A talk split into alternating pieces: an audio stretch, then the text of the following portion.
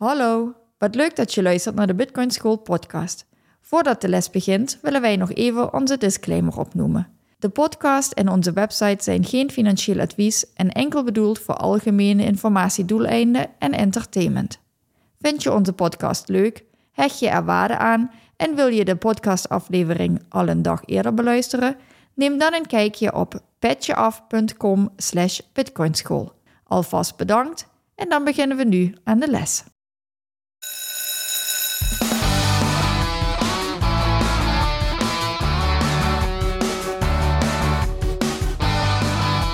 Welkom bij de Bitcoin School podcast. In deze podcast willen we jullie de wereld van Bitcoin dichterbij brengen.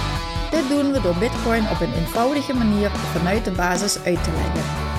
In deze aflevering gaat het over Bitcoin in een nutshell. Een samenvatting. Ja, we hebben net UTXO's opgenomen. En daarbij klikte er iets volgens mij. Daarbij was, had jij zoiets van... Nou overzie ik een heel groot gedeelte van hoe het systeem allemaal in elkaar steekt. Ja, mooi moment om de techniek even samen te vatten. Ja. Om het uh, puzzel compleet te krijgen of inderdaad een plaatje rond of hoe je het ook wilt noemen. Ja, en daarbij is een van de belangrijke dingen dat we eigenlijk alles wat we nu benoemen, hebben we al in vorige podcasts uitvoeriger besproken. Dus wil je daar verder um, en meer over luisteren, dan moet je naar de specifieke aflevering gaan. Maar deze is inderdaad bedoeld om eventjes het hele systeem, voor zover wij het nu uh, uitgelegd hebben, om die even inderdaad samen te vatten. Ja, maar voordat we starten even de blokhoogte. Dat is 819.105 en Mhm. de Moscow time is 2647. Oké. Ja, dan starten we bij de UTXO. Mhm. De unspent transaction output. Ja, de hoeveelheid ja, Satoshi of Bitcoin die dus in de wallet zitten. En dat kunnen meerdere verschillende UTXO's zijn, van verschillende grootte. Nou, die zitten zoals benoemd in een wallet. Ja. Daar hebben we ook al afleveringen over gemaakt. Nou ja, eigenlijk hebben we over alles dus inderdaad al afleveringen gemaakt, maar we willen maar even samenvatten. Als Bob Bitcoin ontvangt, ontvangt hij eigenlijk geen Bitcoin, maar ontvangt hij een UTXO. En die slaat hij op in een wallet waarvan hij de private keys heeft. In het ideale geval. In het ideale geval, ja, inderdaad. Want op het moment dat je die bij een exchange koopt en het nog niet naar je eigen wallet over laat maken, dan zijn het nog niet jouw UTXO's, not your coins. Maar Bob heeft een transactie ontvangen en daarmee heeft hij dus een UTXO. En die UTXO die staat op een Bitcoin-adres. Een public key. Ja, de public key is gekoppeld aan het Bitcoin-adres, inderdaad, klopt. En als Bob zijn Bitcoin of zijn UTXO weer uit wil geven, dan moet hij een transactie starten. En die transactie, die moet hij ondertekenen. Die moet hij ondertekenen met zijn private key, zodat alleen Bob en niemand anders die transactie kan starten. Dus inderdaad, op het moment dat Bob een wallet opent, krijgt hij zijn 12 of 24 woorden. Ja. En de private en de public key zijn daar de afgeleide van. Klopt inderdaad. En daarmee heeft hij de mogelijkheid, als hij Bitcoin ontvangen heeft, dat hij die Bitcoin ook weer uit kan geven, want hij moet een transactie starten en die moet hij ondertekenen met zijn private key. En technisch is dat allemaal hartstikke makkelijk in wallet software geregeld. Ja, daarbij had je dan verschil tussen hardware wallet en software wallets, waarbij het ook inderdaad heel belangrijk is, not your keys, not your coins. Zorg dat je inderdaad je eigen keys hebt. Ja, en weet zeker dat de wallet die je gebruikt, of dat een custodial of een non-custodial wallet is. Dus of je inderdaad daadwerkelijk de 12 of 24 woorden hebt, of dat je die door iemand anders laat beheren. Ja, nou ja, vervolgens als Bob dus een transactie wil doen, bijvoorbeeld richting Alice, Mhm. dan roept hij dus in het netwerk, ik wil een transactie doen. En er zijn een hele hoop partijen, miners noemen we dat, die zien die transactie binnenkomen. Die transactie die wordt eigenlijk door het hele Bitcoin-netwerk wordt die gestuurd en die komt in een apart plekje komt die terecht en het heet de mempool. Volgens mij hebben die dat nog niet benoemd, de mempool, weet ik niet zeker. Niet uitgelegd, wel volgens mij benoemd, maar nog niet uitgelegd. Dus dan nemen we dat nu gewoon mee. Ja, de mempool is uh, elke node heeft een eigen mempool. Dus, dus er is niet één mempool. En op het moment dat Bob zegt van ik wil een transactie starten, dan stuurt hij dat naar het netwerk. En normaal gesproken binnen 15 seconden heeft elke node binnen het netwerk heeft die transactie wel gezien. Maar het kan ook wel eens zijn dat het, uh, dat het eventjes iets langer duurt. En stel dat er in die 15 seconden een blok gemined wordt, dan kan het dus zijn dat die transactie er wel of niet in zit. Het ligt er maar net aan of de miner die transactie gezien heeft in de mempool en meegekregen heeft, moet ik deze meenemen uh, in mijn blok of niet. Ja, als we nou even zo doen alsof er wel maar één mempool is, dan is het het station wat we wel een keer hebben benoemd. Mm Waarbij je dus inderdaad ook een fee mee kan geven Ja. om met de volgende trein mee te mogen. Dus in het volgende blok opgenomen te worden. Dus eigenlijk is dat een, een soort nou ja, pool, verzamelplek, waar alle transacties bij elkaar komen en die met de meeste transactiefees, nou, die staan zeg maar vooraan om meegenomen te worden in het volgende blok. Exact. Nou gaan de miners aan het werk via het mechanisme proof of work, Mhm. waarbij dus ja, daadwerkelijke rekenkracht hier in de fysieke wereld gebruikt wordt om in de digitale wereld blokken te minen. Ja, er wordt energie en tijd wordt erin gestoken om ervoor te zorgen dat die transacties eigenlijk uit de mempool gehaald worden en vastgezet worden in de blockchain. Eigenlijk maken ze een soort van wagonnetjes die ze vullen, Ja. die dan ook weer aan elkaar hangen. Ja. En op dat Grappig. wagonnetje, dat kan alleen maar opeenvolgende nummers hebben. Nou ja, en dat doen ze dus door een rekenpuzzel op te lossen. Mhm. En diegene die als eerste dat puzzel oplost, of met dobbele wind, zoals we dat toen hebben uitgelegd, nou, die mag de volgende blok ehm minen, vullen, En toevoegen aan het netwerk. toevoegen aan het netwerk en krijgt dan ook de beloning. Precies. Wat dus inderdaad begonnen is op 50 bitcoin en ongeveer om de vier jaar, jij weet precies hoeveel blok, Om de 210.000. om de 210.000 bloks gehalveerd wordt. Ja. En nu we dit opnemen zitten we op 6,25 nieuwe bitcoin, zeg maar, die dan toegevoegd worden aan het netwerk. Exact. En die mag de miner zichzelf uitkeren. En over een eh, ongeveer 21.000 bloks, dan hebben we de volgende halving. En dan eh, gaat dat naar 3,125 bitcoin per blok. Een soort nieuwjaarsfeestje waar iedereen in de bitcoin-wereld al op zit te wachten. Ja, zeker. Maakt niet uit hoe laat het is. Wij gaan het meemaken. Gek om een feestje te organiseren als je niet weet wanneer het precies plaatsvindt. Maar goed, dat terzijde. Ehm, Die transacties worden allemaal samengevoegd. En die transacties die worden meegenomen in een blok. Eigenlijk de transacties die het meeste fee meegegeven hebben, die komen in het volgende blok terecht. Maar je weet nooit wanneer dat blok echt gemined gaat worden. Want je weet nooit wanneer een miner het volgende blok gaat minen. Dat duurt gemiddeld genomen, duurt dat 10 minuten. Maar dat kan ook wel eens 40 minuten, 50 minuten of 70 minuten duren. En dan kan het ook wel eens zijn dat het eh, een paar seconden is. Maar gemiddeld genomen is dat om de 10 minuten. Hoe wordt het nou op 10 minuten gehouden? Er wordt elke 2016 bloks wordt er gekeken. Hebben we de target van 10 minuten, hebben we die gehaald, ja of nee?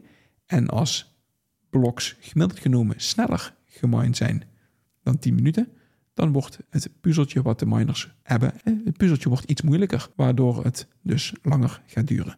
Heeft het langer dan 10 minuten gemiddeld genomen geduurd, dan wordt het puzzeltje iets makkelijker. En op die manier is het gewaarborgd dat om de 2016 bloks, en dat is gemiddeld genomen twee weken, er eigenlijk een, een soort van nieuwe status quo gezet wordt van hoeveel rekenkracht zit er nu in het systeem en hoe moeilijk moeten we het puzzeltje maken.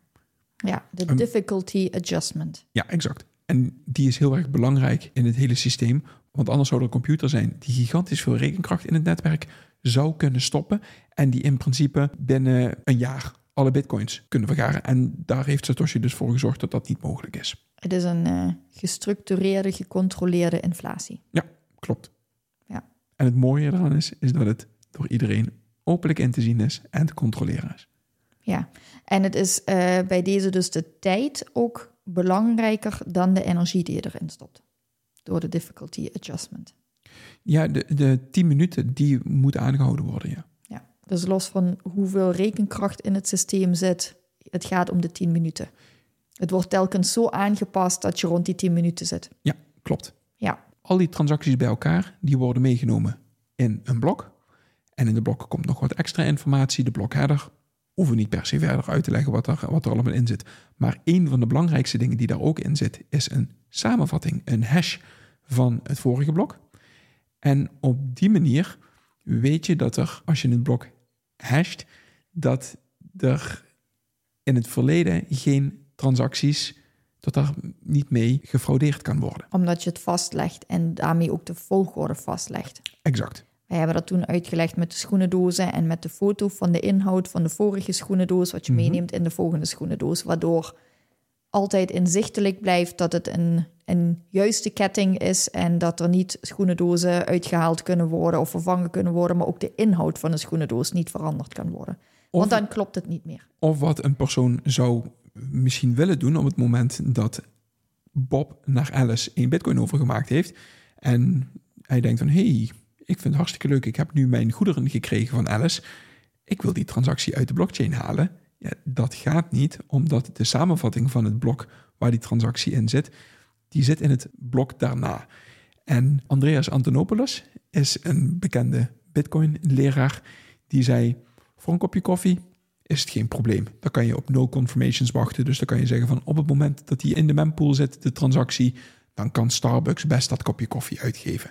Voor een auto, nou, zou ik misschien toch twee bloks wachten. Want als je een auto wil kopen met Bitcoin, nou, is het handig om toch twee bloks te wachten. Misschien dat iemand die transactie ongedaan kan maken. En nou, je wil dus eigenlijk twee confirmations hebben. Voor een huis, misschien dat je eventjes een uurtje ongeveer zes bloks kan wachten. Want er kan nooit zoveel rekenkracht in een soort van sidechain zitten die ervoor kan zorgen dat jouw transactie eruit gehaald wordt dan. Ja, omdat je, wat ik net bedoelde, inderdaad, je kan de inhoud van een doos, hoe langer het geleden is, niet meer wijzigen. Exact. Hoe meer blokken daar al op gevolgd zijn, Exact. past anders letterlijk het plaatje niet meer. Klopt Ja. het plaatje niet meer. Dus omdat je elke keer een foto meeneemt, eh, je zou nog genoeg rekenkracht theoretisch op kunnen brengen om te zeggen: oké, ik ga die ene doos aanpassen met de foto van de vorige doos. Die pas ik ook nog aan. Maar als je al, wat jij nou benoemt, vijf, zes dozen verder bent, ja, dan moet je ook al die zes foto's aanpassen. Dus dan moet je zoveel veranderen en aanpassen. Ja, dat, dat lukt dan niet meer. Nee, precies. En zoveel rekenkracht is er niet op de wereld beschikbaar om nu zes bloks van Bitcoin terug te gaan, daar een transactie te wijzigen of jouw transactie eruit te halen en dan aan iedereen te laten zien: kijk eens hier, ik heb de longest chain, ik heb eh, rekenkracht opgebouwd om de langste ketting te maken. Dit is de daadwerkelijke versie van de blockchain van Bitcoin. Dat, zoveel rekenkracht bestaat er niet. Ja, dat is heel belangrijk om te snappen, omdat je dus niet alleen de doos aanpast, maar je zou alle erop volgende dozen ook moeten aanpassen, omdat Precies. daar telkens weer de foto van de vorige doos in zit. Dus hoe langer die geleden is, dat is wat je net uitlegde, hoe minder kans om daar nog wijzigingen in aan te brengen. Nou, het grappige is, wat je nu zou kunnen doen, als je nu gaat kijken, het vorige blok, dat zou door twee miners gemined kunnen worden. En het kan best zijn dat 50% van de miners nu op versie A van de chain aan het minen is. En de andere 50% van de miners is op versie B van, eh, van de chain aan het minen. Maar zodra er een nieuw blok bij komt, dan wordt dat het netwerk ingestuurd. En dan ziet elke miner automatisch: hey, dit is de longest chain. Dus ik ga op deze versie ga ik verder. En dus je kan eigenlijk maximaal maar één of twee bloks maximaal terug om nog een transactie ongedaan te maken. En dan moet je al gericht je eigen transactie eruit halen. En er is niemand op de wereld die zoveel rekenkracht heeft om dat aan te kunnen passen. Dus dat kan niet. Dus die transactie die ligt eigenlijk na twee, drie bloks ligt die al heel erg stevig vast. Ja, en wie controleert het geheel? Wie houdt het in de gaten? Dat zijn de nodes, Ja, klopt inderdaad. de scheidsrechters van het systeem. En- Die kijken of alles, eh, of de blok op de juiste manier ja, gebouwd is en elkaar eh, gezet is. Volgens, volgens hun regels van de Bitcoin software die ze draaien. Dat is een hele belangrijke. een node kan dus zeggen van ik heb versie 0.25 van Bitcoin op dit moment draaien. Daarin gelden deze regels. En een transactie moet aan deze regels voldoen, anders kan die niet meegenomen worden. In de blockchain. Ja. Ja. Verschil tussen de miners en de nodes. Ja, is grappig. Ik heb vanochtend heb ik, uh, heb ik iets ge gehoord. Dus is, uh, elke dag leer ik ook weer wat, uh, wat nieuws bij. Ik ehm, was het boek, de Book of Satoshi was ik aan het luisteren via Audible. En daarin staan een hoop dingen die Satoshi geschreven heeft. Dus daarin staat de eerste forumpost en de eerste post die hij naar de Cypherpunk mailinglist gestuurd heeft. En daar staan een hele hoop andere forumposts van Satoshi Nakamoto. En daarin refereert Satoshi naar computers die nieuwe blocks maken. En dan heeft hij dus eigenlijk over miners, maar hij noemt ze nodes. En ik had zoiets van, dat, dat is raar. En ik weet niet 100% zeker of, of dat het klopt, maar ik weet dat er in de loop van de tijd is er speciale hardware gekomen. En die hardware, die, dat heet een ASIC miner. En die, zijn, die hebben maar één taak en dat is hashen. Die doen niks anders dan hashen. Die hebben geen Windows of die hebben geen ander groot log besturingssysteem of iets dergelijks. De enige rekenkracht die zij moeten hebben is hashen. En die hebben dus ook niet de volledige versie van de Bitcoin blockchain nodig. Die hebben alleen de informatie nodig van het vorige blok waar zij hun volgende blok op moeten gaan, gaan minen. Waarmee ze aan de slag moeten. En met de opkomst van die ASIC miners is er volgens mij een scheiding gekomen tussen wat wij nu miners noemen en wat wij nodes noemen. Want in het begin noemde Satoshi het eigenlijk allemaal nodes. Ja, maar dan was de rekenkracht ook nog zo laag. Ja. Dat je gewoon met een huistuin keukencomputertje kon minen. Ja, en dat kan je nog steeds. Alleen nu is het niet meer efficiënt. Dus nu zul je niks meer uh, daadwerkelijk minen. Nee, precies. Oké, ja, nee, in theorie kun je natuurlijk ook inderdaad... Je hebt ook van die nerdminers... Uh, ja. Die kleine computertjes die dan voor de grap meedoen, is vooral leuk om, om te zien hoe dat dan werkt, om in de techniek te duiken. Maar de kans dat je daarmee een blok vindt, is tegenover hele mining farmen natuurlijk nihil. Nul. Ja. Eigenlijk hetzelfde alsof, alsof je een private key van iemand vindt met een balans erop. Die is ook nihil. Die is ook nihil. Die is nul. Ja, dus als je echt uh, mee zou willen doen om uh, serieus, om ook blokken te vinden, dan heb je inderdaad ja, specifieke hardware nodig. Mm -hmm, klopt. En uh, lage energieprijzen. Dus dat is in Europa bijna niet meer te doen. Mm -hmm. een node, die kan dus wel iedereen zelf draaien. Ja, zeker. Daar heb je dat, dat ja, kan op een laptop of op een Raspberry Pi of op een, een mini-computertje. Of ja, nou ja, dat, dat is gewoon mogelijk. Ja, zeker. Om uh, die zelf te draaien en daarmee het netwerk te controleren. Je kan het netwerk controleren, maar nog veel leuker is dat je op het moment dat jij een transactie wil doen, stel dat Bob een mini-PC heeft en hij wil een transactie in het Bitcoin-netwerk sturen, dan kan hij dat via zijn eigen node kan hij dat doen. En daarmee hoeft hij niet te vertrouwen op de node van bijvoorbeeld van, een, van Ledger of van Bitbox, maar dan kan hij dat via zijn eigen node doen. En dat is belangrijk.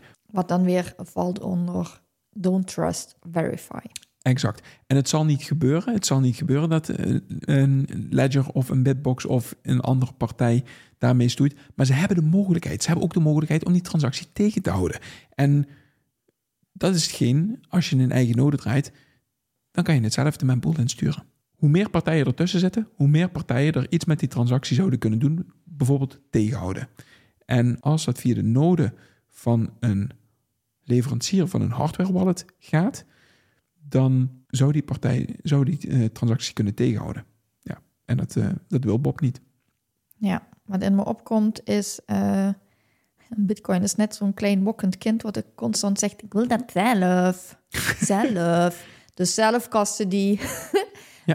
je eigen node, je eigen transactie in het Bitcoin-netwerk kunnen sturen. Dus eigenlijk constant alles zelf doen. Ja, en daarmee heb je gewoon de mogelijkheid om ook zelf alles te doen. Inderdaad, je hebt de mogelijkheid om zelf te minen. Alhoewel op dit moment, en die rekenkracht, die kan je niet meer opbrengen om daadwerkelijk een blok te minen. Maar je kan het wel zelf doen. Je zou het zelf kunnen. En daarbij hoef je geen toestemming te vragen aan wie dan ook om dat te kunnen doen. Ja, heel veel gaat op een soort van theoretisch niveau. Want theoretisch zou er iemand aan kunnen sleutelen. En dan ga je ervan uit dat inderdaad een, een software of een hardware ehm, leverancier dat niet doet. Maar theoretisch zou die het kunnen doen. Dus Mhm. om dat te voorkomen, is het belangrijk dat je in ieder geval de mogelijkheid hebt om het zelf te doen. Exact, exact. Ja, hele belangrijke. En dat is een van de andere belangrijke dingen van Bitcoin: dat het open is en dat het op basis van vrijwilligheid is. Niemand die verplicht jou om Bitcoin te gebruiken, maar je hebt de mogelijkheid om Bitcoin te gebruiken als je Bitcoin wil integreren in je leven. Ja.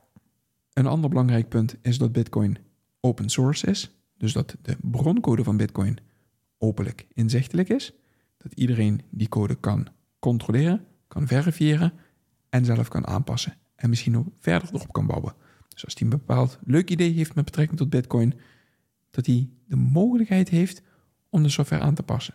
En als dat een mogelijkheid is waarvan iedereen zegt: yes, dat willen we, yes, dat is een heel goed idee, dan eh, heeft iedereen de mogelijkheid om die code in de software in te bouwen. Ja, waarbij er dan nog het verschil is tussen de software, de core, Mhm. Bitcoin Core software. Ja. Of inderdaad om die niet aan te moeten passen, maar toch toepassingen toe te kunnen voegen. Zoals bijvoorbeeld het Lightning-netwerk om een second layer, zoals ze dat noemen, daarbovenop te zetten. Ja, en dat, li- Andere- ja, en dat ligt er maar precies aan hoe je het eh, ehm, wilt maken, inderdaad. Maar er zijn ook second layer eh, opties. En het belangrijkste daarin is dat de software open source is, inderdaad.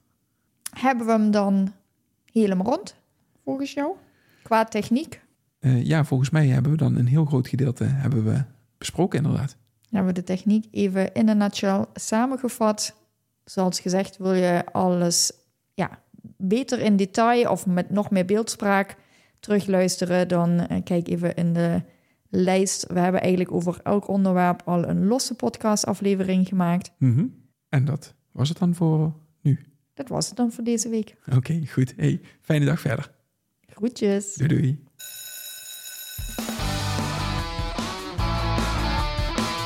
Bedankt voor het luisteren van deze les. Je kan onze podcast beluisteren via Spotify, Apple Podcast, YouTube en alle andere grote podcastplatforms.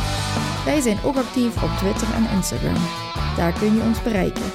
Heb je dus vragen of opmerkingen? Stuur ons dan een berichtje naar bitcoinschoolnl op Twitter of Instagram.